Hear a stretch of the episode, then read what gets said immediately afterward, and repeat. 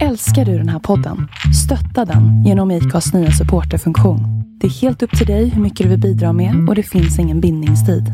Klicka på länken i poddbeskrivningen för att visa din uppskattning och stötta podden.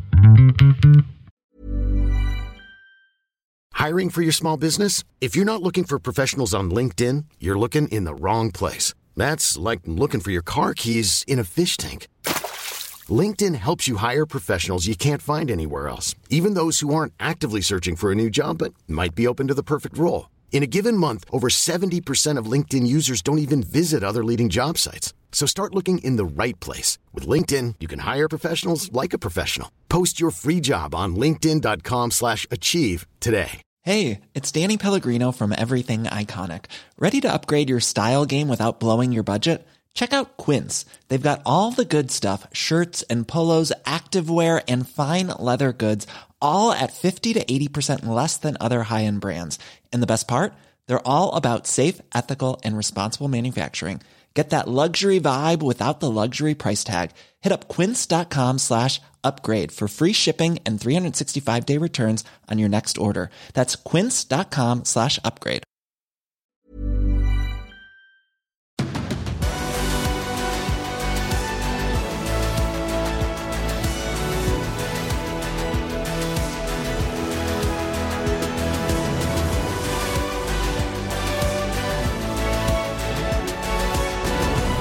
Hej, varmt välkommen till en MotoGP-podd med eh, mig Tobias Lajon och med Andreas Mårtensson.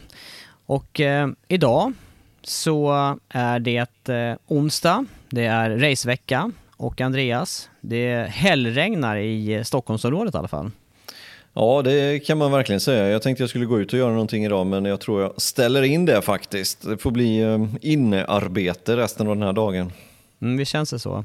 Ja. Du, eh, hur känns det att ha varit eh, ledig från eh, kommenteringen en hel dag? Det känns bra, men vi går in i en hektisk period nu. Nu är det alltså fyra race på fem veckor. Ja. Det är två i rad, en ledig helg, 12-13 juni och sen är det två helger igen. Så att nu är det verkligen en fullmatad period med MotoGP. Viktigt för förarna och teamen såklart att prestera på topp den här perioden och precis som vanligt en, en kritisk period när det gäller att samla mycket poäng och hålla sig från skador och sådana saker. Ja, men det är också en av de bättre perioderna skulle jag vilja påstå. Den som vi är mitt inne i nu med Mugello som följer, sen är det Barcelona eh, och sen efter det Sachsenring och Assen. Så att, eh, det är härliga banor som vi har framför oss och som vi inte fick se förra året. Ja, några av dem fick vi, men, men eh, framförallt inte den som kom i helgen då med Mugello. Det ser jag fram emot. Ja, jag med. Det, det är en sån här nervkittlande upplevelse där och, och se första passet dra igång. Jag ser också fram emot mycket den här kommande helgen och en förarbana framför allt. Ja, verkligen. Du, eh, vi var ju lite snabba här i tanken under eh, förra sändningen, eller så var det tvärtom, vi var långsamma i tanken, för vi missade ju att snacka startnummer förra gången, så att eh, vi har dubbla startnummer att snacka om den här podden. Ja, den kom inte med i, förra veckans podd, så det blir både 13 och 14 då, den här podden. Det var väl så att vi inte hade tryckt på record, var det inte något sånt? Så var det. 13 och 14. Sen är det ett litet nyhetssvep. Eh, dessutom då måste vi snacka upp eh, racet, Mugello som är ett par dagar bort. Och sen eh, också några tankar kring det här som hände i det här dramatiska racet på Le Mans med eh, regelöverträdelser och bestraffningar. Det skulle vara intressant att stoppa upp kring några punkter där tycker jag. Mm, låter bra. Första då, med eh, startnummer. 13 som vi missade förra podden. Eh, det är ju ett nummer som eh, är ganska svårt att hitta förare på för att eh, det, i många kulturer så är det här förknippat med otur, just nummer 13. Och en del hänger ihop med, vissa kopplar ju det här till Jesus sista måltid.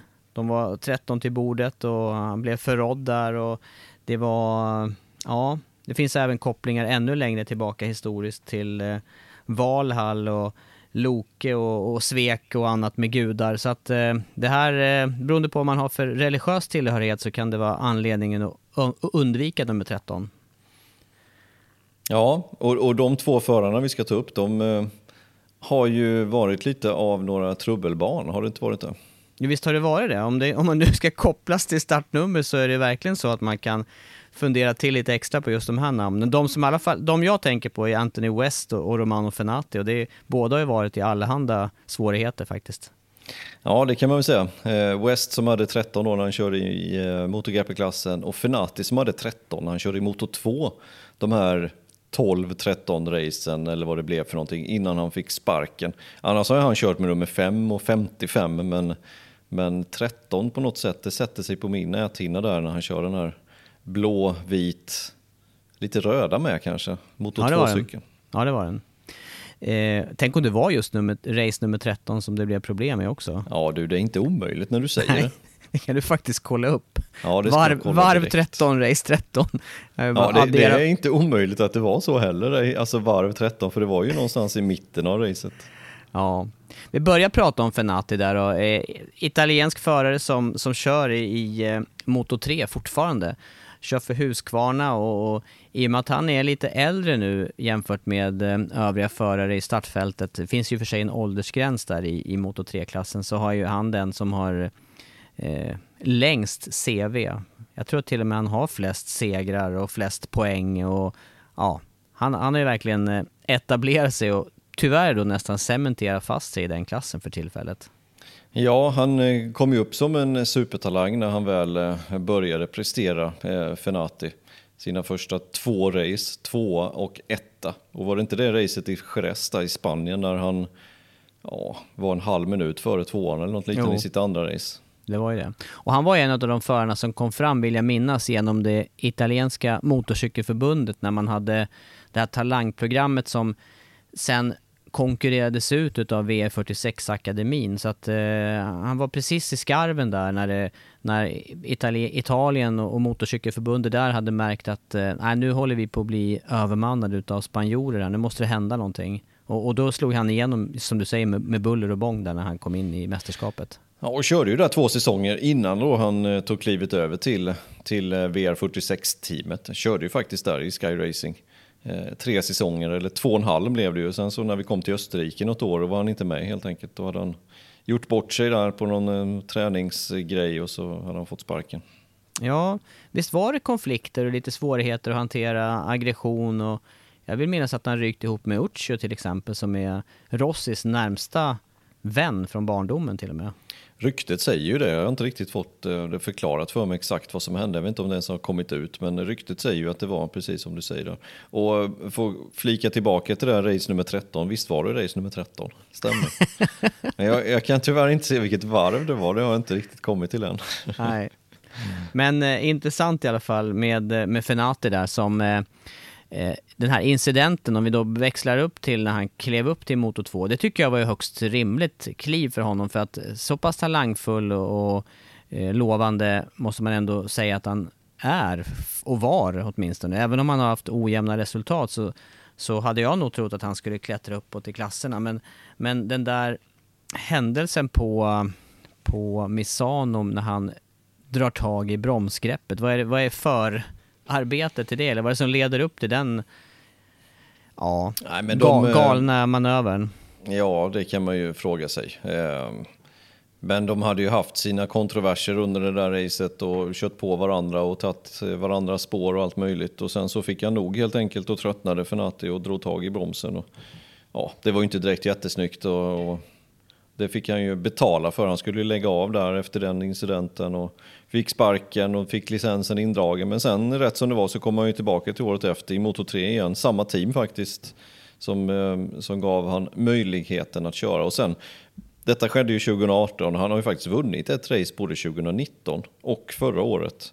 Eh, och i år som bäst då en andra plats i Jerez. Så att han är ju där och nosar men sen så blandar han det där med lite sämre resultat. Så att eh, jag vet inte vad som, vad som eh, vad framtiden kommer att utvisa för Fenati riktigt. Nej. Och det var Stefano Mansi som var den andra föraren där på, på Misano, eller hur? Ja, Ja, ja det var, det var, den där vill man helst glömma bort. Men det blev också väldigt eh, stora konsekvenser som du säger för Fenati där och det var också väldigt eh, mycket eh, hat och ilska på sociala medier kring vad man skulle ge för bestraffning och det var ju, ja, det, det, det skenade ju iväg bortom alla gränser. Ja, eh, det också. Den gången också på sociala medier så skenade det iväg fullständigt. Så att, eh, ja, han, har, han har fått sitt straff, han har tagit sitt straff, han är tillbaka. Eh, Husqvarna kör han ju nu då. Ehm, och som jag sa, en andra plats den här säsongen som bäst, fyra mästerskapet än så länge. Så utifrån Fenatis bakgrund här och erfarenheter så kanske man inte ska ha startnummer 13 så mycket då?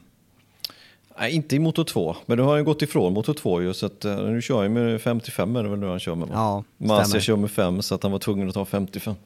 Ja. ja. Men du, den som har eh, MotoGP-erfarenhet då med eh, startnummer 13, det är ju Anthony West som vi var inne och touchade på här. Berätta lite om honom då som förare.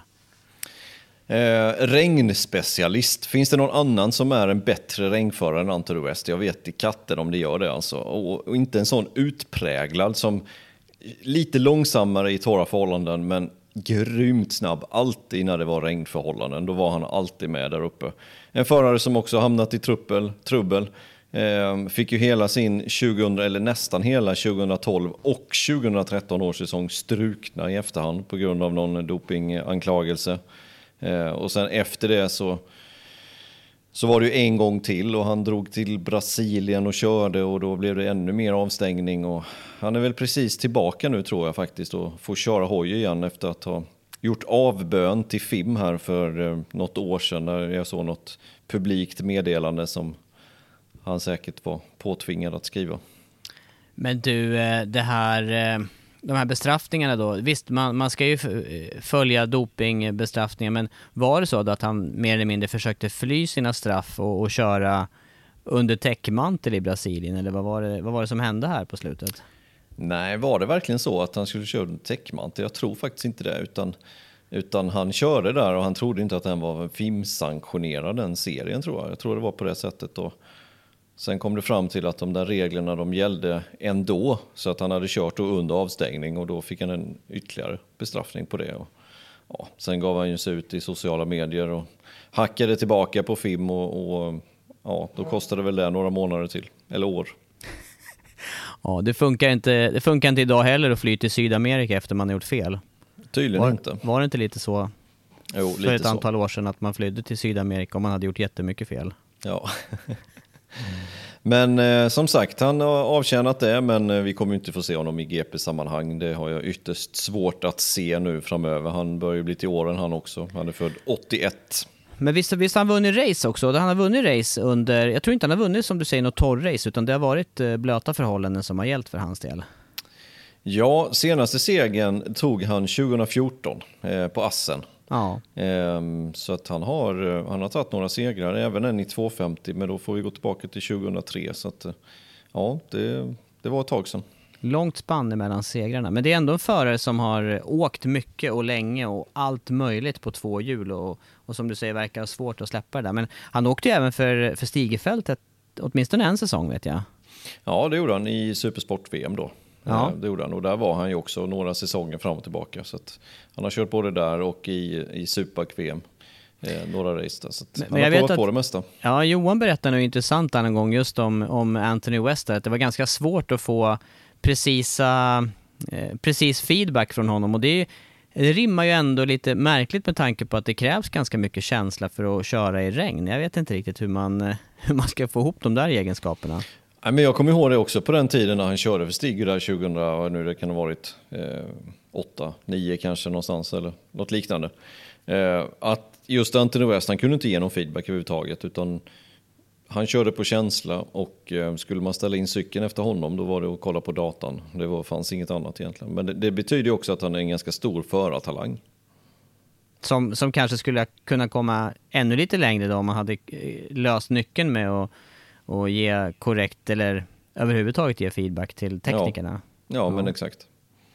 Men intressant också med de här regnspecialisterna, för vi ser ju eh, Miller då som, uh, som vi har landsman som uh, också är vass på regn. Och jag, jag, när jag tänker på Australien så tänker jag framförallt inte på regniga förhållanden.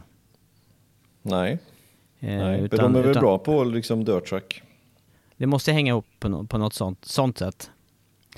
Men, men finns det någon... Eh, det här med om det nu handlar om doping, det kan ju inte vara alla som dopar sig som har otur med att det blandas i maten. eh, koppling till, till startnumret där? Har han haft något otur på riktigt annars, Anthony West?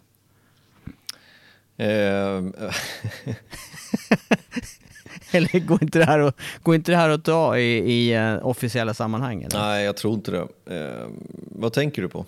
Nej, jag tänkte på, han blev ju av med, han blev ju med eh, flickvän och fru Ja, ja, ja, vid något jo, tillfälle där. Men Jo, det det kanske, också. kanske inte var otur.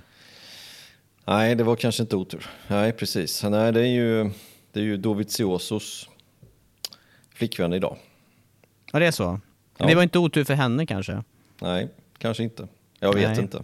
Det har inte riktigt med racingen att göra det. Men, men jag tänker just kopplat till nummer 13 här. Har han annars West då, förutom eh, dopingaffären, han fick, ju, han fick ju en hård bestraffning där som du säger med att man strök hans resultat för ett och ett halvt år. Det är ju det är ganska mycket i, eh, i motorcykelsammanhang. Ja, nu var det ju efterhand så jag vet inte om det spelade så jättestor roll. Men hade han inte någon seger där förresten i någon av de där tävlingarna? Det kanske han hade. Jag vet inte, det, det förtäller inte historien riktigt. Men eh, ja, Anthony West, regnspecialist. Det är så vi får komma ihåg honom. Kawasaki, nummer 13. Ja. Ja, vi släpper det kanske. Eh, vad eh, säger du om att, att pausa och vänta lite med start nummer 14 då och köra nästa ämne så länge? Lite nyhetssvep. Japp. Vi var inne på Jack Miller och eh, just Miller har, eh, har vi lite nytt om faktiskt den här veckan. Nytt kontrakt ja, förlängdes här med ett år hos Ducati. Jag tror de utnyttjade en option som de hade på den och efter två raka segrar, vad, vad, vad kan man göra egentligen? Det, det är inte mycket att göra för någon av parterna utan det är bara att komma överens. Så han har ju verkligen prickat in formen för det är ju vid det här tillfället som man vill eh, offentliggöra nya kontrakt. Och eh, dessutom, titta på hans statistik här från året. Kvalmässigt har han ju varit fantastisk också. Han har sämsta kval första racet i Qatar. Då stod han i femte ruta. Det är hans sämsta kval den här säsongen. Mm. Ja men Så det är bra. eh, Det är båda bra. Gott för, det är båda gott för fortsättningen också. Ja, Spännande det gör inför det. den här helgen. Och han hamnade ju på minus de tre första racehelgerna i den här podden så hamnade han på minus. Välförtjänt. Och sen har han hamnat på plus, helt välförtjänt med två raka segrar. Så att det har verkligen gått upp och ner för hans del. Ehm, och han behöver hitta tillbaka till lite mer jämnhet. Nu har han två raka segrar så att eh, ja. Plus banor nu som passar honom. Passar Ducatin. Ehm, det ska bli väldigt spännande att se om han kan fortsätta på den här trenden här nu och inte få de här dipparna som vi har sett Miller få emellanåt. Går det att spekulera någonting kring hur han eh, hamnar lönemässigt tror du, med det här kontraktet? Har du någon uppfattning? Ja. Nej, det, det har jag faktiskt inte riktigt. Men om, man skulle, om jag skulle gissa, nu tar jag det rent bara ur känslan mot vad de andra sägs tjäna, så kanske en 4, 5, 6 miljoner euro kanske. Ja, det det är ju ändå bra betalt, tänker jag. Ja, Och då ja, är det ja, för... men någonstans. Ja. Och då hamnar han i, vad hamnar han i hierarkin bland eh, fabriksförarna med den lönenivån då, skulle du säga? Ja, men det är i mitten någonstans, skulle jag tro. Jag, jag tror att Quattararo och Vignalo tjänar nog ungefär liknande, skulle jag gissa på. Marquez sägs ju nu då tjäna 25 miljoner euro per säsong. Men det är också ett sånt stort steg ifrån vad bästa summan var innan. För det ryktades ju om Lorenzo där, så att han tjänade 12 miljoner euro per säsong när han körde för Ducati. Och de summorna tror jag inte är involverade med Miller. Det tror jag Men, inte. men är det annars så att Ducati generellt sett ligger högt i löneläge där jämfört med de övriga fabrikaten? Nej, det tror jag inte. Utan det där med att de tog Lorenzo, det var en, dels en prestigevärvning och sen så ville de helt enkelt gå före och vinna VM. Ja. Eh, nu blev det inte riktigt så, men jag tror att de satsade väldigt hårt på att göra det och därför blev det väl bara två år också för att det blev väl för dyrt att, att fortsätta. Men Miller då, anledningen till att han fortsätter att skriva ettårskontrakt då? Det är lite intressant i alla fall vad han säger själv här, att han vill hålla sig skarp och, och, och eh, vara på hugget och visa vad han kan där. Men just ettårskontrakt när han ändå har kommit så långt som till en fabriksstyrning, vad säger du om det då? Ja, men det är ju lite, det är ju lite vågat på ett sätt, för man vet ju hur snabbt det vänder. Första tre racen som sagt, då var han inte mycket värd den här säsongen och sen två raka segrar, så han är helt plötsligt den hetaste på hela marknaden. Så att eh, det, det, det är klart att det gäller att pricka in de här eh, racehelgerna när man är het. Nu var det ju en option den här gången så att jag vet inte riktigt om man kan dra den parallellen på samma sätt. Men ja, det, det är hans strategi. Eh, hålla sig helt enkelt och, och, ha någon extra morot att köra för. En del är ju tvärtom, en del vill ju ha liksom framtiden utstakad i tio år framöver för att kunna fokusera bara på att prestera. Så att det är väl lite olika hur förarna känner och, eh, och sådär inför det faktumet. Men nu ligger han ganska bra till också i... Eh, alltså nu ligger han i samma fas som övriga förare när det gäller sina kontrakt. För många har kontrakt fram till och med 2022, där undantaget eh, eh, Mark Marquez som du nämner. Ja, det kan ju vara också en anledning att, att det ska finnas för båda håll egentligen. Både för Ducati att kunna byta ut honom och även tvärtom om han tycker att inte Ducken presterar. Att det ska finnas möjlighet att kunna gå till något annat. För att även det, strategi för att kanske få upp lönen ännu mer då till 23 till exempel. Så det, det, är olika strategier. Det är jättesvårt att spekulera i varför han väljer det ena med det andra. Men, men precis som du säger, han hamnar i fas med alla andra förarna. Eh, och, och ska vi gå så långt framåt i tiden så är det inte alls omöjligt att det kommer finnas styrningar lite här och var att välja på inför 2023 sen. Vinales Quattararo, blir Vinales kvar? Mm. Ja, det vet vi inte. Nej. Som för övrigt blev pappa här i förrgår tror jag, eller till och med igår kanske. Förrgår tror Just det, det, det, får ju, det får ju väldigt vara värt att nämna i, i det här sammanhanget. Kring nyheter, det är en stor nyhet. Ja, verkligen. Det kan, kan, inte, bli, det kan inte vara perfekt uppladdning. Det tror inte jag heller. Inte Nej. mitt i säsong. Då hade det ju, idealet hade ju varit att, att ha i slutet av året eller väldigt tidigt. Ja. ja, du har ju suttit på BB fyra gånger tänkte säga, men tre gånger. Men... inte riktigt då. En, dubbel, en dubbelgång blev det där på slutet. Det var samma besök. Ja. Det blev extra långt. Extra långt ja. ja, ja. men man är ju inte superpigg även som pappa efter en sån där holmgång. Nej, jag hörde faktiskt av en, eh, av en kollega, så sent, en annan kollega så sent som idag som ska bli pappa i höst. Här. Han, han sa jag är ganska okänslig för lite sömn. Jag bara, ja du kan ju vänta och se hur okänslig du är. Om, jag ska fråga om ett år igen. Yes. Yes. Ja, nej, men även just eh, när det väl händer här liksom i början på veckan och sen så är det privatjet till Mugello så ska man fokusera där. Inte helt enkelt skulle jag vilja påstå. Nej. För hans del. Så Nej. att gör han ett bra resultat i helgen då, då, då har han gjort något väldigt, väldigt bra faktiskt. Mm. Då hamnar han på plus. Då hamnar han verkligen på plus. Kommer han topp fem då är han på plus faktiskt, det måste jag säga redan nu. Ja. Ehm, så att, ja, men det, det, är en stor grej. Men, men mer med kontrakt, ja, vem ska köra bredvid eh, Mark Marquez? Får, fort, får Paul fortsatt förtroende efter nästkommande säsong? Ja, det vet vi inte. KTM kan det hända väldigt mycket på. Ehm, ja, Suzuki, blir Rins och Mir kvar hos, hos Suzuki? Så att det kan vara smart på ett sätt att eh, göra som Mille gör med, med tanke på, just som du säger, med kontrakten. Ja, och ligga i fas med övriga fabrikat och förare. Men eh, då, då har vi faktiskt behandlat både Miller och, och Vinales här. Och eftersom du också nämner helgen, kommande helg, eh, så tycker jag också att det är värt att lyfta det här som, eh, som vi alla väntar på tror jag. Att, hur, hur är läget när det gäller publikpåsläpp till, till de olika evenemangen som väntar nu närmsta månaden här? Det blir ju noll publik på Mugello, tyvärr. Det är ju där vi verkligen vill se publik, men det blir ingen publik där överhuvudtaget. Eh, Barcelona kommer det att tillåtas viss typ av publik, framförallt eh, VIPs och eh, gäster till teamen, som jag förstår det, eh, som kommer tillåtas dit. Sachsenring, ingenting eh, i, Tyskland, utan där kommer det bli publikfritt. Men sen Assen då, 11 500 är de senaste siffrorna jag hörde ska släppas på till Assen-racet. Och det, det, tycker jag är kul. Det är en stor anläggning med mycket naturläktare så det borde ju gå att få in 11 och 5 där utan att det blir kaos. Mm. Ja, ja, ja. ja, det borde ju gå på Mugello också, men där har man ju... Men det här, det du säger också med naturläktare, det kan ju också göra det svårare att göra de här äh, avgränsningarna. Om man ska göra det här äh, enligt, äh, enligt boken då, och hålla avstånd till varandra, så kan det ju på ett sätt vara lättare Eh, på, på, vi såg ju förra året när det var publik på Misano tyckte jag var väldigt välordnat, det vi, det vi kunde se där. Eh, mm, men, men eh, det känns ju ändå som att det är, det håller på att hända någonting då när det gäller att börja komma igång mer åt det tidigare hållet, det vanliga hållet. Ja, och sen är det ju lite skillnad också egentligen på Mugello och passen i och med att det skiljer nästan en månad i tid. Och den månaden just nu eh, kan betyda rätt mycket, eh, skulle jag vilja påstå, utan att vara någon expert på pandemier. Ja, Nej, men det börjar väl annars de flesta bli vid det här laget. Ja, Så länge det- hobbyexperter är väl alla nu. Ja, det är känns faktiskt. det.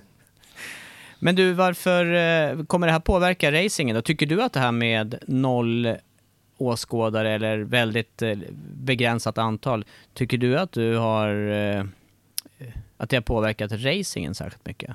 Nej, jag tycker inte det. Eh, jag tycker vi har fått se jämna race, bra race eh, rakt igenom, även fast det inte har varit någon publik. Det är klart att man saknar publiken, men jag tror att det är andra sporter som saknar publiken ännu mer än vad vi gör i den här sporten.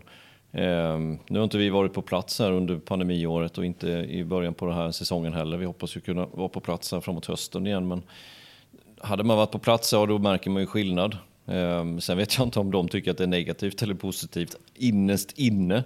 För vi vet hur mycket folk det är i depån, runt alla förarna, de kan inte röra sig någonting. Nu kan ju till och med Rossi röra sig i princip fritt i depån. Så att det måste ha varit ett skönt break, om man nu får säga så, för dem också. Just den, även fast de gärna vill ha fans, det vill ju alla såklart. Ja, jo, det, det bidrar ju massor till inramningen och till, till festen. där. Men jag håller med dig annars det här just racemässigt att vi har fått... Eh, jag, jag, kopplar det här bland annat till, till allt ljud som ändå är från motorcyklar och det att man får ändå en... Eh, eh, det, blir en det blir en häftig upplevelse trots allt. Det, det blir mer ödsligt om man, om man tar sporter som, som inte har motorljud till exempel. Då. Ja, nej, men det blir det. Sen får vi se vad som händer under hösten här. Det ska bli intressant när eh, vi kommer lite närmare hur kalendern kommer se ut. Jag är inte säker på att kalendern kommer se ut som den gör idag hela vägen ut till Valencia. Eh, vi har fyra Asien-race, eller ja, ett i Oceanien då i Australien, men tre sen i Asien. Ja, de fyra racen de hänger väl lite i luften fortfarande skulle jag vilja påstå.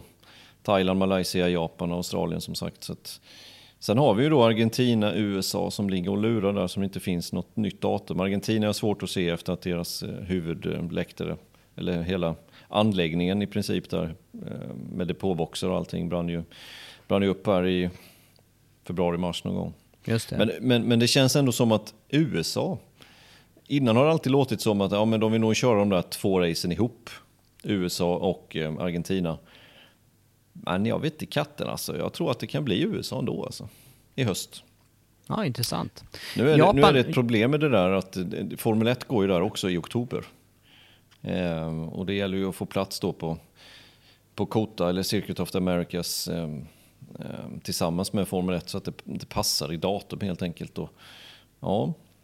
Jag, jag, jag känner att det är risk för egentligen att alla de fyra racen blir inställda, Asien-racen. Jag skulle Ehm. säga det med Japan där, för att där vet jag ju att man pratar ganska mycket och, och högst aktuellt kring, kring OS som stort evenemang. Att eh, opinionen där är ganska stor mot OS och att man kanske inte borde arrangera det överhuvudtaget under det här året. Och, eh, nog för att OS är betydligt större både deltagarmässigt och som evenemang sett, men det är fortfarande så att det, man kanske drar en linje där över stora idrottsevenemang eller internationella evenemang. Men, men sen beror det också på hur tillverkarna, som i många fall då är japanska, hur de, eh, ja, vad de har för möjlighet att trycka på för att eh, det blir ett MotoGP-race i, i Japan. Där, ja, jag vet inte faktiskt. Svårt. Nej, ja det är svårt. Men eh, som sagt, det skulle inte förvåna mig om vi får se några fler race i Europa än vad som är tanken. Kan alltså, USA har jag ändå förhoppningar att det faktiskt kan bli av. Och, och sen skulle det inte förvåna mig om det blir två på Misano, två på Aragon och två i Valencia. Och så ett i USA. De har täckt upp de fyra racen som man blir av med helt enkelt. Och så är vi tillbaka egentligen på ursprungsplanen. Så att, vi får väl se. Mm. Du, lite mer kopplat till, eh, lite mer kopplat då till, till kontrakt och vidare. Det är ju inte bara förarsidan som eh, Eh, där det ska skrivas nya kontrakt utan det, det är också int- högintressant att veta hur läget är kring dels Petronas-teamet, dels kring eh, Valentino Rossi och hans eh, fortsatta satsning där. Fin- Har det kommit något nytt eh, där kring? Nej, inte mycket faktiskt. Eh, det senaste runt eh, Rossi, om han ska fortsätta eller inte. Han sa i någon intervju med italiensk media att han kommer bestämma sig under sommaruppehållet nu. Eh, och det är ju en stund dit och någon månad eller två, så att eh, vi får väl avvakta det helt enkelt. Eh, och sen är det väl förhandlingar mellan Petronas och Yamaha och sen ligger Rossis team där och lurar lite i vassen och ser vad som händer med, med den dealen. Eh, men det senaste som vi har varit inne på tidigare i podden och sändningar att det lutar ju åt Rossi, eh, Rossis team och Ducati. Det är ju dit det lutar. Och Petronas och Yamaha då, att de ska komma överens. Men som sagt, det, det ska ner på papper också. Ja, och vi vet ju hur länge det tog att få papper och allting färdiga kring övergången bara från eh, fabriksteamet till Petronas för, för Rossi. Så att eh, antagligen så är det eh, en liten bit eh, bort de här besluten då, eller i alla fall tills vi ser svart på vitt. Ja, det ryktades ju om att det ska bli offentliggjort nu, inte i helgen, men till Barcelona, vilket är då nästa, nästa helg. Eh, ja, vi får väl se helt enkelt eh, hur det utlöper. Något som eh, vi med största sannolikhet kommer att få se i alla fall till helgen, det är nya färger på uh, den cykel som uh, Sky Racing Team har i MotoGP den här säsongen. Mm. Kul färg. Jag tycker det är kul när det blir sådana här lite hemmafärger, precis som vi är vana vid att se på några utav racen i alla fall. Så, så blir den ju röd och grön och vit, italienska flaggan. Mm.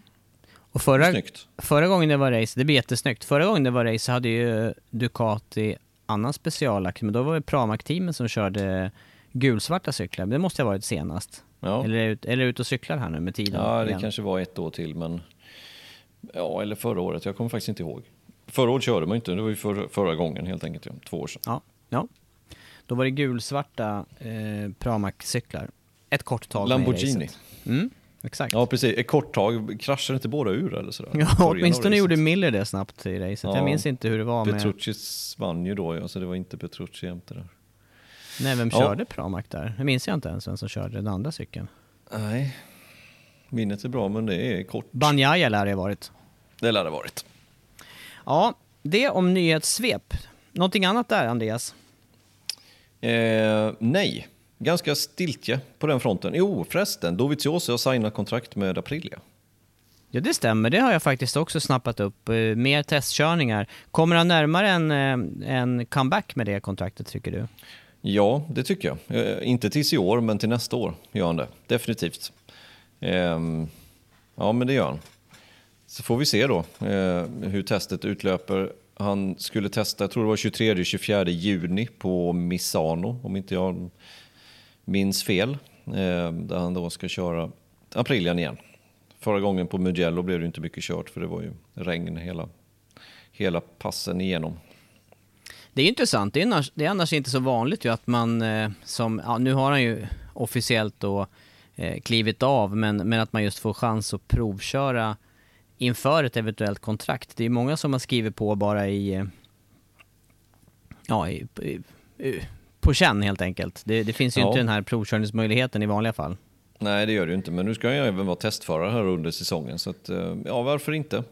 Eh, varför inte? Jag, jag, tror att det är en bra lösning, även fast han börjar bli till åren och har inte jättemånga år kvar i sig. Men eh, ja, det, det, är ett bra alternativ för Aprilia. Kan vara en viktig kugge då, om man till exempel kör fyra cyklar kommande säsong och ha en som med den erfarenheten och den nivån i alla fall. Ja, men absolut. Absolut. Ja, du, nu gäller det att vi inte tappar bort oss här igen. Eh, Nej, det är 14 va? Ja, ja, jag håller på att gå vidare här nu i, eh, i, i programpunkterna. Startnummer 14. Ja. Är du laddad? Ja, men jag tar den. Gör det. Jag, jag, jag mutar här nu då och stänger, pausar lite. Så berättar du vad som gäller för nummer 14. 14, nej men 14 för mig det är ju du Depunier. Ja, jag har inget annat att tillägga där heller. Det är det. Det är det startnumret. Ja. På, och den föraren. Ja. Ehm, lika gammal faktiskt som Anthony West som vi var inne på lite tidigare. Körde ju i 250 eh, många, gånger, många år.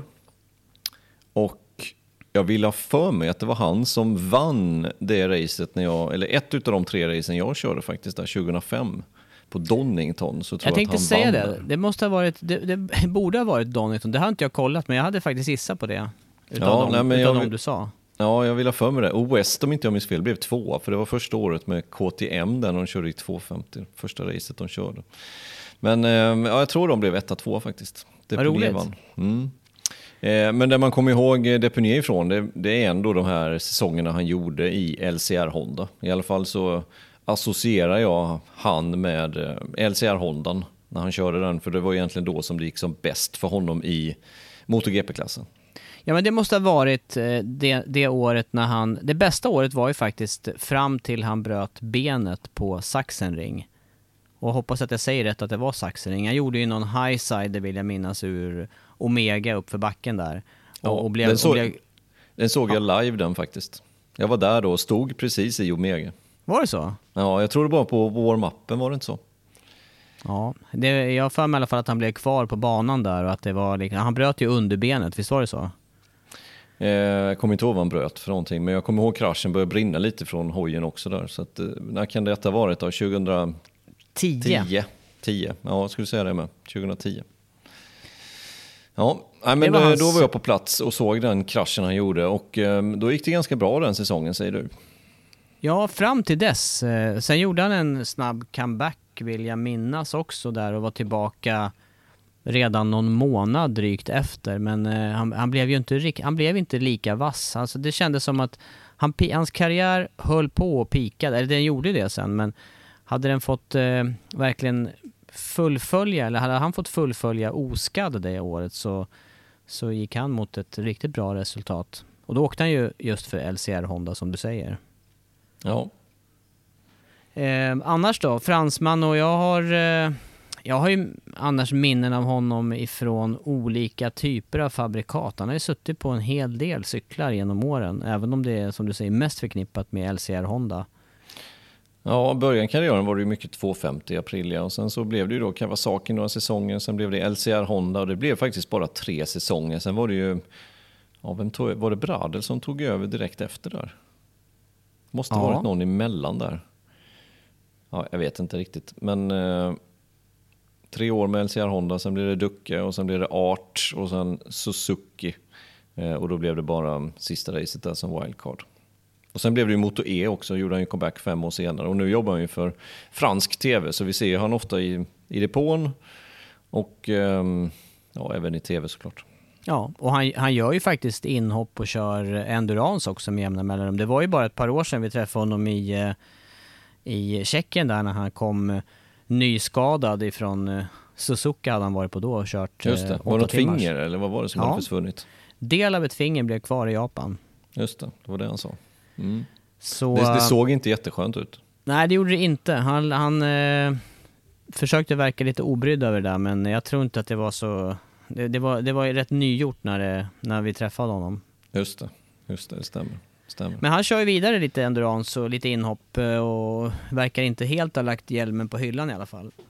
Nej, Men, men, eh, men just det här med... eh, Ja, för mig är han lite utav den här eh, gillar att synas och, och ihop med eh, LCR-teamet som alltid haft snygga hojar så har det, han har ju faktiskt varit en, en förare som har stuckit ut där utseendemässigt med outfit och färger och ja, Jo, där han körde där 8, 9, 10, då var de ju...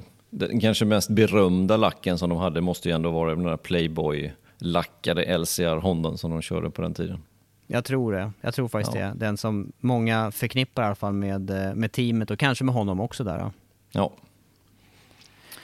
Ja, Ja. men eh, som sagt var, som eh, eh, fabriksteam där, jag, jag måste bara påminna mig, blev det någon, eh, ja, du sa Suzuki där, körde han, eh, gjorde han något resultat där ihop med Suzuki? Nej, han körde bara ett race för Suzuki, det var finalen. Eh, Så Ja. ingenting under säsongen där. Nej. Utan det var Nej. väl Kava då, 6 och 7. eh, Men då var ju också Kava på upphällningen egentligen, även fast han tog då en andra plats som bäst den säsongen. Men hur som helst har ju hans resultat överglänsts många gånger om sen utav eh, både Sarko nu då och eh, framförallt Quartararo på slutet. Så att eh, av franska GP-förare så blir det ändå, han, han är någon slags, i, han är lite i mellanresultat där. Mm. Ja, Eller men vad det säger blir du? det. Ja, men det blir det ju. Han nådde inte, han nådde inte, han nådde inte den absoluta toppen om man säger så. Nej, nej, det gjorde han inte. Det gjorde han inte. Men han har vunnit några race. Som sagt, ett på Donington till exempel. Mm. Och då var det blött, det kan jag lova. Det var nästan lika blött som det är i Stockholm idag. Och, då och Donington svårkört på blött. Ja, Jag har Ja. också kört på blött där. Jag vill minnas att det var just runt... Eh, det är en flygplats, det är inflyg till en flygplats där och att asfalten är Precis. fläckvis väldigt, väldigt hal där. det stämmer. Det stämmer. Ja, något annat att säga om Randy Duponier då? Jag tror vi har tömt ut det som finns om honom va? Ja, vi får eh, återkomma i ärendet, i ämnet, när Ja, vi, vi har kommer se träffat honom- honom igen. Vi kommer garanterat se honom i tv-rutan i helgen när han står i pitlane och intervjuar någon förare för fransk tv. Ja. Skicka vidare om ni vill ha någon fråga ställd till honom så ska vi försöka utföra det på plats Ja. När, det, när det blir dags att åka igen.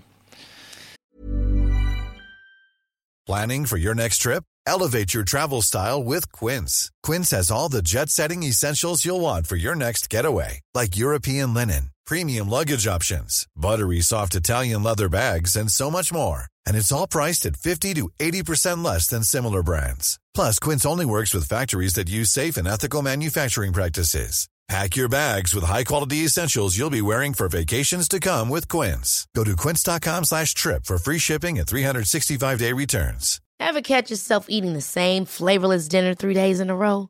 Dreaming of something better? Well, HelloFresh is your guilt-free dream come true, baby. It's me, Kiki Palmer. Let's wake up those taste buds with hot, juicy pecan-crusted chicken or garlic butter shrimp scampi. Mm. Hello Fresh. Stop dreaming of all the delicious possibilities and dig in at HelloFresh.com. Let's get this dinner party started. Hey there, it's Michelle Norris. I'm host of a podcast called Your Mama's Kitchen. When I travel, I'm usually looking for a way to find a taste of home when I'm not at home. And one of the things I love to do when I am at home is entertain. And Airbnb allows me to do that. When I was in California recently, I rented a house that had a great kitchen. And when we were sitting around the table, we we're all thinking, we're in someone else's house. Someone could be in all of our homes as well. If you have a home, but you're not always at home, you have an Airbnb. Your home might be worth more than you think. Find out how much at airbnb.com/slash host. Ja, racehelg väntar. Eh, och du säger Mugello. Att, ja, det är Mugello. Och eh, roligt kanske- att se MotoGP igen på den banan. Det kanske är hela säsongens höjdpunkt om man får välja ett race. Ja, det, det är jäm, nästan jämnt skägg med Mugello och Assen, men det, det är väl de två som man på något sätt inför helgen är mest kittlande. Tycker jag i alla fall. Och eh, jag tittade på, nu är det ju Mugello då, för att ta lite fakta om den så är den 5,2 kilometer lång. Snabbaste varv, det har Marquez på eh, en, ska vi se så jag säger rätt här, 1.47,6. Jämför det med Formel 1, som körde där faktiskt förra året. Körde de ju race där, 1.18,8. Ja, det säger lite grann om hastigheten i 30 kurvorna. sekunder. Ja. 30 sekunder. Ja, nej men eh, 47,6 är ju en ganska bra tid. Den står ju sig faktiskt till och med från 2013, det vill säga mm, hans första år i MotoGP. Står sig det rekordet som Marc Marquez har där. Men det är intressant att du nämner Marquez och, och, och varvrekordet, för att annars har det ju varit eh, ont om Honda-segrar på slutet. Eh, och de tre senaste åren så har det varit Ducati i topp, med olika förare dessutom. Mm, det har ju det. 17 vann Dovizioso, 18 vann Lorenzo och 19 vann ju Petrucci. Eh, och, och senaste racet var ju när vi, för två år sedan när vi var på plats dessutom. Det var vilket race det där var. Alltså det var Petrucci, Dovi, Marquez jämsides in i sista svängen. Och så var Rins bara tre cykel längre bak på dem. Eh, och det var ett bra sista varv, även fast det inte blev så mycket omkörningar. För Marcus kunde kom på något sätt tänka sig att släppa igenom Petrucci som segrare. Men hade det varit Dovi istället då hade han aldrig gjort det, för de slogs om mästerskapet den säsongen. Så att, bra race var det i vilket fall som helst. Tre raka Ducati-segrar och finns mycket väl möjlighet för en fjärde. Ja. Men, och då blir det dessutom med, en- med en ny förare sa den där, sannolikt då. Eller förlåt, det blir det ju. Eh, för att eh, vi har ingen utav dem, nej det blir med en ny förare såklart. Miller, Banjaya i fabriksteamet eller eh, Sarko. Sen är det inte Martin på den andra Planmark utan det blir Michele Pirro som tar över styrningen kommande helg. Ja, eh, Martin ville ju vara fit till Italien men det gick inte helt enkelt. De skadorna som han ådrog sig i eh, Portugal hålla honom borta. Men Barcelona säger de att han ska försöka komma tillbaka till. Men som sagt, det blir Pirro i helgen. Men, eh, men det finns ju tre riktigt, riktigt vassa. Alltså Pirro är ju också vass, men jag har ju svårt att se att han ska kunna vara med och slåss om pallen. Han, han är alltid med i, i täten första och andra träningen, men sen dalar det lite när de andra får upp tempot. Och mm, det blir säkert så den här gången också. Men, men Sarko, Banjaya och Miller skulle alla tre kunna vinna det här racet. Definitivt. Och, och sen har vi en Marquez då som inte är i, i stor form. Och tittar man då på 19-racet, alltså för det racet som gick för två år sedan, då var det ingen annan än Rins då som egentligen hängde med där. Så frågan är ju vad, vad kommer Jamma vara någonstans? Hur bra är Suzuki'n på den banan? Ja, det är, det är upplagt för Ducati skulle jag påstå. Mm. Men jag skulle vilja backa helgen. tillbaka till det du säger i början här nu när vi börjar prata Mugello, att eh, det är det här racet och Assen som man kanske ser fram emot mest av allt på säsongen. Eh, I alla fall bland Europaracen. Du har ju också varit på plats eh, i, i annat mästerskap då på, på Phillip Island som också är ett sånt där en, en sån bana där det ofta kan bli väldigt, väldigt jämna race. Men, men de här banorna, Assen och Mugello, vad, vad, finns det något gemensamt med dem som gör att det är speciellt och att man ser fram emot de helgerna extra mycket? Ja, men det är fina banor alltihopa, det är fina vyer. Det är grymma bansträckningar som oftast bjuder in till bra race. Ehm, och ehm, tar vi nu Mugello då som, som väntar här i helgen, det är, det är en, special, en speciell sträckning. Det är mycket höger-vänster, vänster-höger kombinationer på det här varvet. Och sen är det ju en 1,1 km lång raka som inte är rak i slutet utan det är en utmaning även det nu för förarna, nu för tiden. Förr i tiden så var det inte på det på samma sätt, för det gick inte lika fort. Men nu går det ju 300, ja kanske till och med ett nytt topprekord kommer vi få se, toppfartsrekord. 356 var det ju innan och sen gick det lite snabbare i Qatar och lite medvind här nu i, i helgen så skulle 360 mycket väl kunna spricka. Ja, ja, ja. Och 362, någonting var det ju i Qatar. Så att mycket väl att det skulle kunna gå över det beroende på hur aerodynamiken eh, funkar och hur mycket, man, hur mycket de kan hålla fullt över krönet där också. Mm. Ja, men exakt. Men eh, just det här, eh, ja, jag undrar om inte ändå Mugello smäller ännu högre för just bansträckningen här, den har ju också fått vara orörd hela tiden och att man har den här ursprungssträckningen och som du säger här med kursändringar, det har vi på Assen också. Men här är det ju de här kombinationerna som gör också att det går att köra om på väldigt många ställen. Jag tror inte det gällde för Formel 1 om jag minns rätt. Nej, för det går ju alldeles för fort. Eh, svängarna är ju inte så tajta som Formel 1-bilarna behöver, utan här är de ju lite mer öppna om man nu får säga så då. Eh, inga chikaner, ingen, ingen sån här artificiella omkörningstillfällen här, utan här är det motorcykelbanor, båda de vi nämnde här nu eh, och nu Mugello. Så att, men jag ser fram emot helgen och, och det som är lite intressant återigen, jag tittade väderprognosen i förrgår, då var det 25-26 grader strålande solsken hela helgen. Idag är det inte så, utan då är det rätt mycket regn som det lovas på söndag. Det vill säga racedagen. Så att, ja, förra, förra racehelgen i Le Mans, då ville jag ha lite svajigt väder, men det passar inte riktigt på Mugello. Där ska det vara där ska det vara de här 20-25 graderna och solsken på något sätt för att få den rätta inramningen. Men ja, det ser, just nu ser det inte ut att bli så. Nu är det tidigt än, det är onsdag idag. Men, men um, mm. Intressant med regn om det skulle bli så på söndag. Ja, ja, verkligen. På sin höjd lite ulliga vita mål vill man ju ha där över bergstopparna så att det blir ja. Så att det blir eh, dramatik. Men, men just regn vet inte jag heller om det är rätt bana att, att ha ett race i regn. Jag vet inte om jag som förare hade varit så förtjust i den här toppfarten på slutet på rakan där. Och bromsningen. Nej, det kan bli lite eh, sketchy faktiskt när man ger sig in i, i kurva 1. San Donato som den heter där. Ja, men de här ja. aerodynamiklösningarna då på cyklarna, kommer vi att få se eh, eller rättare sagt, det som har hänt med vingarna fram här är att det har minskat eh, bakhjulsåkningen där över just krönet och på ett sätt då säkrare bromsning, för då har man inte behövt ha det här fladdret heller in, just innan bromsningen när, när cyklarna slår ner. Men Eh, då såg vi istället problem med Yamaha där, hur, hur bakhjulet pressades upp och det var problem med övervarvningar. Går det, går det att få cyklarna, tror du, med den här aerodynamiken att följa underlaget eller kommer det att lätta på något vis där? Nej, det kommer nog att lätta lite grann, det tror jag. Eh, just den gången där du nämner när de sprängde motorer där, båda två där, båda Yamaha-förande, det har man ju kommit ifrån för, det, för eh, det var ju en programmeringssak egentligen som gjorde att, att det blev på det sättet. Det kommer ju inte inträffa. Eh, nej, men jag, jag, tror att de kommer vara hyfsat stabila ändå. Eh, så stabila som det går egentligen och sen kommer man säkert prova lite olika aerodynamiska lösningar. För vi såg ju Sarko där när han satte sitt toppfartsrekord, för visst var det Sarko som satte det i Qatar. Eh, då hade han ju ett annat aerodynamikpaket på som inte trycker ner cykeln speciellt mycket utan släpper igenom luften så att han fick det här rekordet och det är inte omöjligt att det blir så på det här sättet heller.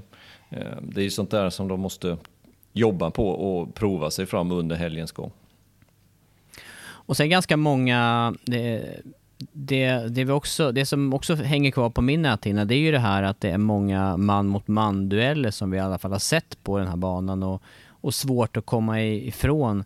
Utan eh, det är stor chans att det här racet avgörs under sista varvet eller i slipstreaming fram mot mållinjen. Jag kommer ihåg den här målgången med Lorenzo och Marcus där som var fantastisk man mot man kamp sista varvet. Och man trodde att det var avgjort till Marcus fördel och så kommer Lorenzo där och, och snyter segern med några tusendelar till slut. Och slipstreamar med sin Yamaha då förbi honom. Ja, precis. Ja, precis. Och, ja, Lorenzo han trivdes ju på Mugello. Det var ju en av de banorna som han hade flest segrar på i karriären faktiskt, just uh, Mugello. Så att, ja, och sen blir det en ny hjälm också för Rossi. Som vanligt brukar det komma lördag morgon så brukar det vara en ny hjälmdesign. Får vi också hålla utkik på. Hoppas att det kan um, öka farten på honom. Han har ju för övrigt också många segrar på den här banan, fast de ligger tidigare, längre tillbaka. Ja, stämmer. stämmer. Nej, men det, det, blir spännande ändå att se vilka som är starkare, men, men tipset måste ju ändå ligga på Ducati.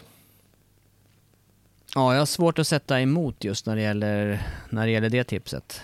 Men återigen, väderprognosen säger regn och ganska mycket regn dessutom på söndag.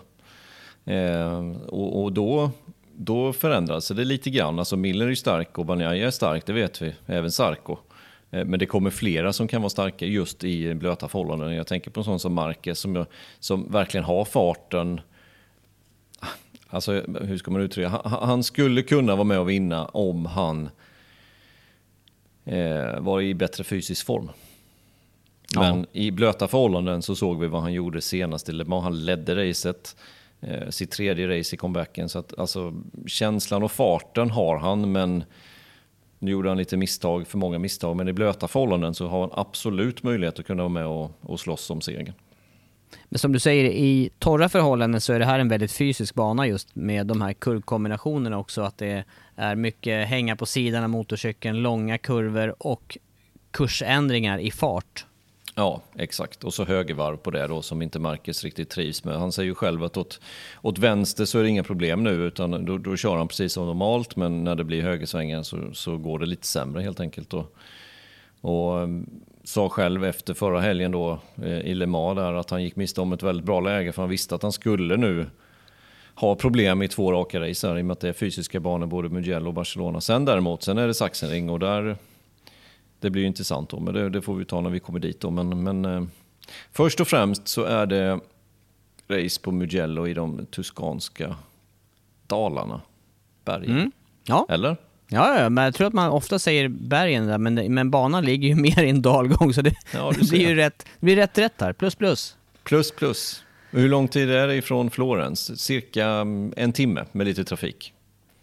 Ja, och racedagen tre timmar. Och, racedagen hem kan det vara sex timmar. Ja, för vissa sex, för andra tre. ja, det, det, där kommer förarna och, och tycka är skönt utan publiktillströmning i helgen. Jag har åkt en gång på väg upp mot banan en söndag där, eh, eh där jag fick ta häng till slut på Pirro just. Han kom med bil i de här köerna och eh, körde, det går ju inte att köra igenom andra men han, han, det var i alla fall så att det gjordes lite extra plats så jag låg slickat i, i eh, kofångaren eller stötfångaren bak där för att hinna med och tänkte ska han, jag skulle kommentera men han skulle ju faktiskt köra så att jag kände mig plötsligt ganska lugn i sammanhanget. Ja, då är det stressigt som förare. När du känner Ja. dig stressad, då, då ska man som förare känna sig ganska stressad tror jag. Ja. Nej, det blir bra helg. Jag, ser också mycket fram emot det. Och spännande, som du säger, om, det, om vädret ställer till det så blir det ju ett extra moment. Det såg vi ju inte minst på Le Mans. Och det skulle ju faktiskt kunna leda in oss på det avslutande ämnet här med bestraffningar. Ja, jag tänkte vi skulle ta lite utav de eh, aktuella bestraffningarna som delades ut. För det har ju, det har ju kommit fram lite klagomål. Sociala medier, några journalister också för den delen som ehm, inte riktigt förstår sig på bestraffningarna och varför de kommer och tycker att det är för mycket bestraffningar. Men kanske framförallt då att de inte förklarat, förklaras på ett rimligt sätt och ett pedagogiskt sätt. Eh, och det kan jag skriva under på. Men vi hade ju tre aktuella händelser egentligen som jag tänkte vi skulle prata om i senaste racet. Resten får vi eh, komma tillbaka till en annan gång. Eh, när vår kära kollega här, Sandy Berlin, är med. För han, han tycker om att betala, och, och prata bestraffning också. Men det tar vi när han är med nästa gång. Eh, men, men tre incidenter och då, då tänker jag mig att vi ska eh, försöka förklara varför. Om vi tycker det är rätt eller fel. Eh, eller vad man skulle kunna göra istället. Och om vi börjar med de som blev aktuella då så var det ju dels hastighetsöverträdelsen i depån. Och det var två före som fick bestraffning för det. Det var Banjaya och det var Miller, båda Ducati-förarna som körde för fort in i depån. Det var ju vid, eh, vid cykelbytet som det skedde. Ja, eh, och för det fick de ju två stycken long lap penalty. Ja. Eh, och vad tycker du om det?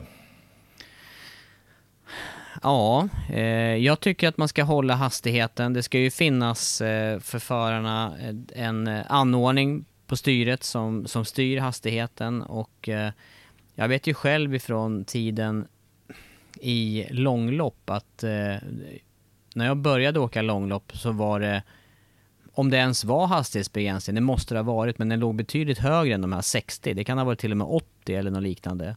Eh, och, och då körde man ju mer på känsla. Det var ju inte heller någon radar som tog det där, men, men man, man valde ett varvtal och en växel och så höll man det där. Och, och det kändes ju ändå som att det kunde gå snett ibland. Man kommer ifrån hög hastighet på banan, ska in i depån, jättelätt att köra för fort, eh, eh, farligt med många människor i rörelse och det är människor som har fokus på annat än själva trafiken om man tänker nu kring cykelbytena. Sen att det sker fortkörningen precis in och innan det ens... Men, men boxarna kommer ganska fort på höger sida här. Så att jag tycker att man ska ha en bestraffning för det och sen om det är rimligt med ett eller två eh, bestraffnings... Eh, ja, att man ska ta bestraffningslingan en eller två gånger för det. Ja, där, man tjänar lite tid på hastighetsöverträdelsen. Det, det, det, jag tycker att det är rimligt. Jag landar i att jag tycker att det är rimlig bestraffning med två runder för det. Mm. Ja, men jag landar i samma slutsats. Jag tycker också det är en, en bra bestraffning. Nu ska vi komma ihåg att det här är ju första gången det körs ett flag to flag när bestraffningsslingan har funnits. Hade detta skett för fyra år sedan, då hade det blivit en rise-through penalty. Och, och det tycker jag är skönt att vi på något sätt slipper. Just det här med eh, de extremt hårda bestraffningarna som är för tjuvstart eller som har varit för tjuvstart. Till exempel Crutchlow när han tjuvstartade i Argentina där han i princip inte tjänade någonting. Han rörde sig lite. Regeln sa då att du måste stå helt still i din ruta. Rör du dig så åker du på en bestraffning. Och bestraffningen enligt reglementet var right through penalty. Det var hårt. Mycket hårt. Nu stod det i reglementet, det var inte mycket att diskutera. Men där tycker jag det är bra att man har infört den här bestraffningsslingan. Jag tycker att den är jag tycker att det är bra att man har gjort det, så att man slipper de här tidsstraffen i, i slutet av racen eller right through penalty. Ja, Nej, men så motsvarar ju bestraffningen ungefär den eventuella vinsten och det blir lite till med bestraffning. Det är ändå, ja det, det känns, men det är ändå inte, som du säger jämfört med en ride-through där som på något vis, det punkterar ju hela det racet för den föraren. Oavsett hur liten överträdelsen var. Ja, nej, men jag tycker också att den, för, för att ändå så tjänade han ju lite på det, att göra på det sättet. Eh, säg att han hade hållit eh, lite till. Alltså det är inte omöjligt att han tjänade en sekund på det. Det är inte omöjligt. Och eh, då måste ju det på något sätt eh, fixas, tycker jag. Ja. Och för Millers del så blev det ju inte den här eh, bestraffningsslingan, när han körde den, jag tror inte han förlorade, han förlorade runt de här tre sekunderna som det handlar om eh, vid, vid båda de tillfällena som han tog varvet. Eh, jag tror till och med det var mindre än tre sekunder per gång. Jag tror det var någonstans runt fyra totalt sett han tappade på det. Fyra, fyra ja, och kanske halv. var så, att, pass. Ja, ja så, att, så att han gjorde det väldigt bra. Det gjorde han. Nej, men jag, jag landar i slutsatsen att jag tycker dels att bestraffningsslingan är mycket bra. Jag landar dels i att Millers bestraffning också var helt eh, rimlig. Hård, absolut, men rimlig till det överträdelsen han gjorde. Ja. Om vi tar nästa då, eh, Ja. Quattararo. Han kör in och ställer sig på fel plats. ja den, är, den är svårare. Den, eh, där tjänar han ju verkligen ingen tid på händelsen. Och jag vet knappt om den är eh, farlig, annat än att den blir rörig för teamet där. Och hade Quartararo och Vinales eh, kommit in mer eller mindre jämsides där, då hade det ju kunnat bli farligt såklart. Eh, I det här fallet så fick man ju mer leda in cykeln till, till boxen där och eh, han fick studsa vidare till nästa. Men, men där är ju också reglementet klart skrivet. Det är, ju- det är ju klart uppmärkta platser som man ska köra in på. Eh, den, den är lite mer tveksam om man behöver ha någon bestraffning utan att felet i sig uppstod och sen så kan han köra vidare. Den är, jag är lite mer tveksam till den. Jag tycker den är okej, bestraffningen. Vad säger Ja, du? nej, jag tycker den är helt glasklar faktiskt. Jag kan inte säga något annat. Jag tycker att det är solklart värt en bestraffning. Eh, det finns helt uppenbart i reglementet hur man ska göra. Man ska köra in på sin plats, man ska springa över till sin andra hoj och så ska man köra iväg med den. Eh, ponera som sagt att Vinales hade kommit precis bakom och blivit hindrad och tappat tre sekunder på det. Skulle då Quattararo kommit undan med det? Eller hade, hade Quattararo kört in på, säg att han hade kört in på eh, någon annan box, Marques box. Eller, eh, ja, vem det nu, Rins box som också var i, i, i närheten. Eh, nej, jag, jag förstår knappt eh, ens diskussionsämnet egentligen som har uppstått. Jag, jag, tycker att det är solklart att det är en bestraffning, helt enkelt. Men har det Eh, varit mer, har det varit mer eh, diskussioner och snack om eh, den bestraffningen än om eh, bestraffningen på Miller och eh, Banjaya? Eh, ja, det har det ju varit och då har de ju lyft upp, eller de som har motiverat för sin sak har ju lyft upp just det som du gjorde där, att han förlorade ju ändå på det själv. Men jag tycker inte riktigt man kan resonera på det sättet. Eh, för då finns det ju många andra saker som man förlorar på själv som man ändå får en bestraffning för. Så att, eh, I det här fallet dessutom så, så skulle han kunna, nu gjorde han inte det, men han skulle kunna hindra någon som skulle in på den platsen. Så att, för mig är det självklart. För mig är det också en bra bestraffning med, eh, med ett extra varv. Eller ja, en long lap penalty. Jag tycker det är rimligt. Två stycken, det vill säga lika hårt som Mille Banjaya, det tycker jag är lite hårt. Men en, absolut. Men den där med två hade ju kunnat varit, som du säger, när du lyfter fram det här med om man nu hade hindrat någon annan, då hade jag också sett på det här på lite annorlunda sätt. Eh, då, då hade han ju dessutom, eh, ja vad ska jag säga, förstört möjligheten för någon annan i, att göra ett bra byte där. Och då kommer ju nästa, ska man då ha det som en bedömningssak, att ja, men hindrar han någon annan eller inte? Och då, nästa gång, då kommer de in efter varandra och då blir det en bedömningssak helt plötsligt. Så det är klart att det står i reglementet hur du ska göra, då ska man göra så. Misslyckas man med det så får, kostar det en long lap penalty. Jag tycker det är solklart. Ja. Vad säger du om eh, den tredje? Är, vilken tredje incident eh, tänker du på här under racet? Ja, men den tredje som har snackats om det är ju just eh, när de kommer in i depån. Då är Quattararo precis före Marc Marquez. Eh, Marquez, och i, in i pitlane så, så är det linjer målade när man ska åka in. Eh, och in i pitlane så åker Quattararo emellan de här vita linjerna, alltså själva banan om man nu får säga så. Medan Marquez då genar lite grann och åker över vita linjen.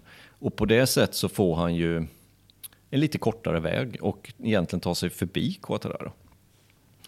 Ehm, så han tjänar lite på det helt enkelt, Marquez. Och då har det ju varit lite, ja, lite snack om just Marquez, att han var utanför banan i det läget och borde ha haft en bestraffning. I och med då att Quattararo fick en bestraffning för att han ställde sig på fel plats så tycker man också att Marquez skulle haft det. Eh, och eh, ja, det, det, kan man tycka med de här linjerna som är inne i pitlane. Det står ingenstans i reglementet att du inte får köra över dem. Eh, och står det inte i reglementet så, ja, vad ska man göra? Tror du att det är någonting man kommer att åtgärda då, kanske? Ja, det är, det är inte omöjligt att man kommer göra det. Eh, att man kommer göra det på infarten lite mer... Eh, för, de, för de här vita linjerna, de, de, eh, de följer inte riktigt banan. Det är lätt att gena där, för det är asfalt precis jämte också. Så där skulle man kunna rita om de här linjerna och göra då mer som ute på banan med track limits och måla grönt kanske utanför vid linjerna så att man måste hålla sig där. Eller som i bestraffningsrundan till exempel. Eh, det skulle man kunna göra. Men i, den här, i det här fallet så finns det ingen regel som säger hur man får köra in i depån och då går det heller inte att bestraffa det. Så, så jag, den... Ja, är det värt en bestraffning? Ja, ja, om regeln hade funnits. Nu finns inte regeln, så vad ska man göra? Så i det här fallet, eh, för Marcus del, så blev det ingen skillnad i hans... Hade han stått upp under racet här och kommit i mål så hade han inte haft någon bestraffning och vänta för det som, som skedde. Nej, inte som jag förstår det. Nej. Men eh, grunden är, som du säger där, eh, att, eh, att man överhuvudtaget har de här målade linjerna, eller att man har det så pass eh, krokigt som det är in i infarten, är också ett sätt att ta ner farten. Det är ju som att skapa en konstgjord chikan där. Så tanken, grundtanken är ju naturligtvis att man ska hålla sig innanför linjerna men har man inte skrivit in det i regelboken så är det klart att det är ett litet eh, kryphål där för tillfället. Ja, exakt. Och jag tror att de kommer täta till det faktiskt. Eh, och, och gissningsvis så kommer de måla grönt utanför linjerna. Eh, och att man inte ska åka ut, utanför det helt enkelt. Och å andra sidan, vad händer om man åker utanför det gröna någon gång? Ja, oftast får man egentligen bara en, en varning. Tjänar man på det väldigt mycket, då kan man få då en, ja det kan ju bli en long penalty för det också. Så att, ja. I dagsläget, eh, inget att anmärka på egentligen så länge det inte står i reglementet. Men det skulle inte förvåna mig om det kommer i framtiden. Man kanske landar i att lägga den här eh, hastighetsbegränsningen tidigare, redan eh, ja, redan innan man börjar vika höger, om man säger när man, att man gör den här inbromsningen som in mot en hastighetsbegränsning från där man, där man kommer av från banan. Nu är jag på Le Mans här. Att ja. man då eh, får bromsa ner till den här hastighetsbegränsningen och sen svänger man höger 180 grader och sen viker man in i ett S i depån. Det skulle ju göra det kanske lite säkrare om det är säkerhet. För nu blev det ju, situationen blev ju ändå som att det var lite jakt på position där in mot eh, Ja, för, för, för så var det ju där att det var ju ingen hastighetsbegränsning när detta skedde. Utan den kom ju lite senare. Men ska man lägga den ännu tidigare, ja då, då tar det ju ännu längre tid att göra ett cykelbyte till exempel. Ja, visst är det så. Och det pratade vi om, om förra veckan, hur lång tid det tar på Le Mans att göra ett, ett cykelbyte med den här långa, långa, långa depåutfarten. Så att men det, där, där får man annan... ju tänka igenom. Precis, men där är ju en annan eh, femma, just utfarterna och de målade linjerna där. För där är det ju, eh, det, det, det, kan ju också skapa väldigt farliga situationer och just Le Mans-utfarten, den är ju ändrad för att det var väldigt farligt tidigare då man kom ut precis där depåmuren tog slut och, och där i princip förarna är på väg att vika in mot idealspår in mot kurva 1. Så där gör det ju verkligen skillnad säkerhetsmässigt att komma ut upp mot kurva 3 istället. Eh, mm. I, alla fall för, I alla fall för sammanstötningar. Så såg vi att det hände krascher ändå där i utgången nu. Med kylan. Ja, men men ja, där, tycker, där är jag... Där, hur, är, hur är reglerna där förresten med just den linjen som är vid utfarten? Går, eh, är den okej okay att passera och, och, och komma över. För, för det kommer bli högaktuellt kommande helger på Mugello om det skulle bli tillfälle nu med cykelbyte där. Det är ju nämligen så att där kommer ju förarna på rakan och, och skär över linjen från utfarten och så kommer det några som är möjligtvis då har bytt cykel inifrån depå. Kan bli ja. farligt. Ja, det kan det bli. Jag tror att på Mugello kommer det lösa sig av sig självt för att de kommer ha någon typ av eh, självbevarelsedrift, de som kommer ur depån. Men på många andra banor så är det faktiskt så att det är okej okay att korsa den vita linjen. Jag tänker på Valencia till exempel, har vi sett många gånger att man viker ur depån, tittar bak och kommer ingen och då viker man över och sen så åker man över den här vita linjen. Och det är också lite sådär som jag tror kommer tajtas till i reglementet att både in och ut i depån ska du hålla dig innanför vita linjerna. Punkt slut. Eh, och jag kan inte riktigt förstå varför de inte riktigt har, varför de inte har gjort det redan nu faktiskt, eh, måste jag säga. Nej. Eh, och precis som du säger, nu i Mugello så, så kommer det bli högaktuellt. Speciellt om det blir ett flag to flag eller regnrace eller något liknande. Men, för där, där kommer ju de som... Eh, ja, frågan är hur, hur de ser det där med track limits å andra sidan och gena där lite över den målade ytan som vi ofta får se på Mugello. Det brukar man ju vika över höger lite precis efter muren och få en bättre vinkel in sen i, i vänsterkurvan. Men eh, i vilket fall som helst så, ty så, tycker jag att de fallen som var på det här racet, de tre som vi nu har tagit upp, de är ganska solklara allihopa. Eh, det är väl Marcus där som går att diskutera, men så länge det inte finns någon regel så är det inget att diskutera ens. Utan då är det som det är. Och sen kan man ju tillägga det att eh, det kunde vara bra för tävlingsledningen att förklara just eh, hur man har tänkt för att sätta nivån på bestraffningen här. Och det går ju också att backa bandet lite grann till Qatar här med de här starterna ifrån eh, eh, pitlane i Moto 3 och, och, och pitlane med fördröjning och så vidare. Det, det, skulle ju göra det tydligare för både oss och för, för dig som följer mästerskapet. Ja, exakt. Och det, det önskar jag mig i framtiden. Jag tror också att det kommer komma, rätt som det är. Att, um, att eh, de här FIM stewards då med, um, med Freddie Spencer i spetsen kommer att att delge varför de tar ett visst beslut och en viss bestraffning så att vi får reda på det. Ehm, men jag, jag, kan inte säga att de bestraffningar som man har sett hittills i år har inte varit orimliga, tycker inte jag. Ehm, jag tycker att de har varit högst rimliga. Och eh, sen blir det mycket olika bestraffningar för olika saker som har begåtts. Ehm, med long lap penalty och, och, och sådana här saker då, i ett och två och start från pit lane andra gång. Och, ja, jag tror vi får vänja oss vid det, för att det, det är här för att stanna tror jag faktiskt.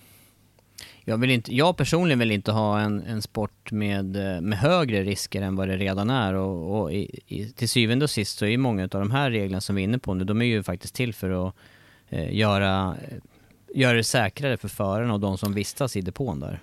Ja, och, och pratar vi till exempel då hård körning eller om vi pratar track limits, om vi pratar track limits så är det gjort för att det ska bli säkrare. Eh, visst, man kan ha grus precis utanför bankanten, men det kommer ske betydligt fler olyckor. Allvarliga olyckor garanterat. Eh, nu har man valt en annan strategi, att man har grönmålat ute så att det finns möjlighet. Och nu har de trycksensorer, eh, vilket kanske behöver trimmas till lite grann. Det såg vi på den här med Vinales till exempel. Ehm, ryktena säger till och med att den inte ens var i funktion utan att det var en bedömning till slut ändå. Och det är klart att man måste få ordning på tekniken och man måste få ordning på prejudikaten när det gäller sådana där saker, självklart. Ehm, men jag, jag, tror ändå att bestraffningarna som, som är nu och track limits, det här får stanna för det, det kommer göra racingen, eller det gör racingen säkrare. Ehm, men sen så handlar det om att hålla sig in på banan ändå för att det är där man ska köra. Och är man utanför så ska det kosta någonting. Och eh, det gör det också. Och, och därför är det bra med den här bestraffningslinjen. Jag tycker den är, det kostar oftast tre sekunder. Det är, jag tycker det är perfekt. För att då får man ett race som, som inte avgörs sen när alla protester är inlämnade och, och allt möjligt. Liksom, utan vissa beslut ska tas direkt så att bestraffningar kan tas. Vissa ska tas efteråt. Ja, jag tror det får avrunda hörru, den här podden. Vi är uppe i eh vi är uppe i en eh, dryg timme Andreas med eh, samtal inför racehelgen. Ja men förra podden blev ju bara 50 minuter. Det fanns ju en anledning till att den blev lite kortare. nu hann vi med både nummer 13 och nummer 14 i alla fall. Ja, nästa gång är nummer 15. Vem ska vi ta då? Ja, det får vi spekulera i. Fortsatt. Jag, ja, har, har, du någon på rak arm eller? Nej, jag tänker inte säga här nu för då... Nej, jag, jag, Roberto Locatelli har jag på rak arm. Hade inte han 15? Jag trodde du skulle säga Roberto Rolfo, men det hade han, han hade väl inte 15? Nej. Nej, Roberto jag, Locatelli. Det här kräver sin, lite efterforskning från min sida, kan jag säga. Ja, det gör du ju alltid. Du, du associerar ju inte startnummer med förare, har jag kommit på här. Du får ju googla varenda gång. Mm, ja, ja, precis. För jag är ju för den här med VM-placering från förra året. Just det, du är kvar i 80-talet där ja. Ja, ja, och halvmeter höger. Det, det där är viktigast. Det, det, är faktiskt den viktigaste skillnaden eh, som jag tycker är svårarbetad, när, när de här siffrorna och färgerna går ihop med varandra. Svårt att se. Ja. Åldern, ålderstecken. Nu Du, är det Andreas, Mugello först och främst. Ja, och det ska vi klara av. Så långt ska jag se, kunna Ja. se framåt. Bra, bra. Och eh, tack till alla som stöttar den här podden. Det är eh, ett gäng som gör det och eh, stort tack. Det gör att vi kan fortsätta podda varje vecka, denna gången även med eh, två startnummer då. Fick vi med dem denna gången. Eh, vill man stötta oss då gör man det via patreon.com snedstreck motorgp-podden eller via, via Acast supporterfunktion. Och till helgen så är det V-sport Motor som gäller. Eh, det är ingen Formel 1. Däremot är det Indy 500 på söndag kväll. Det får ni inte missa heller om vi tittar på lite bilsport. Annars är det MotoGP från Mugello på V-sport Motor. Racestart 14.00. Uppsnack 13.25. Och första träningen är 9.45 på fredag. Precis som vanligt är det ju. Väl mött säger jag då. Och tack för idag.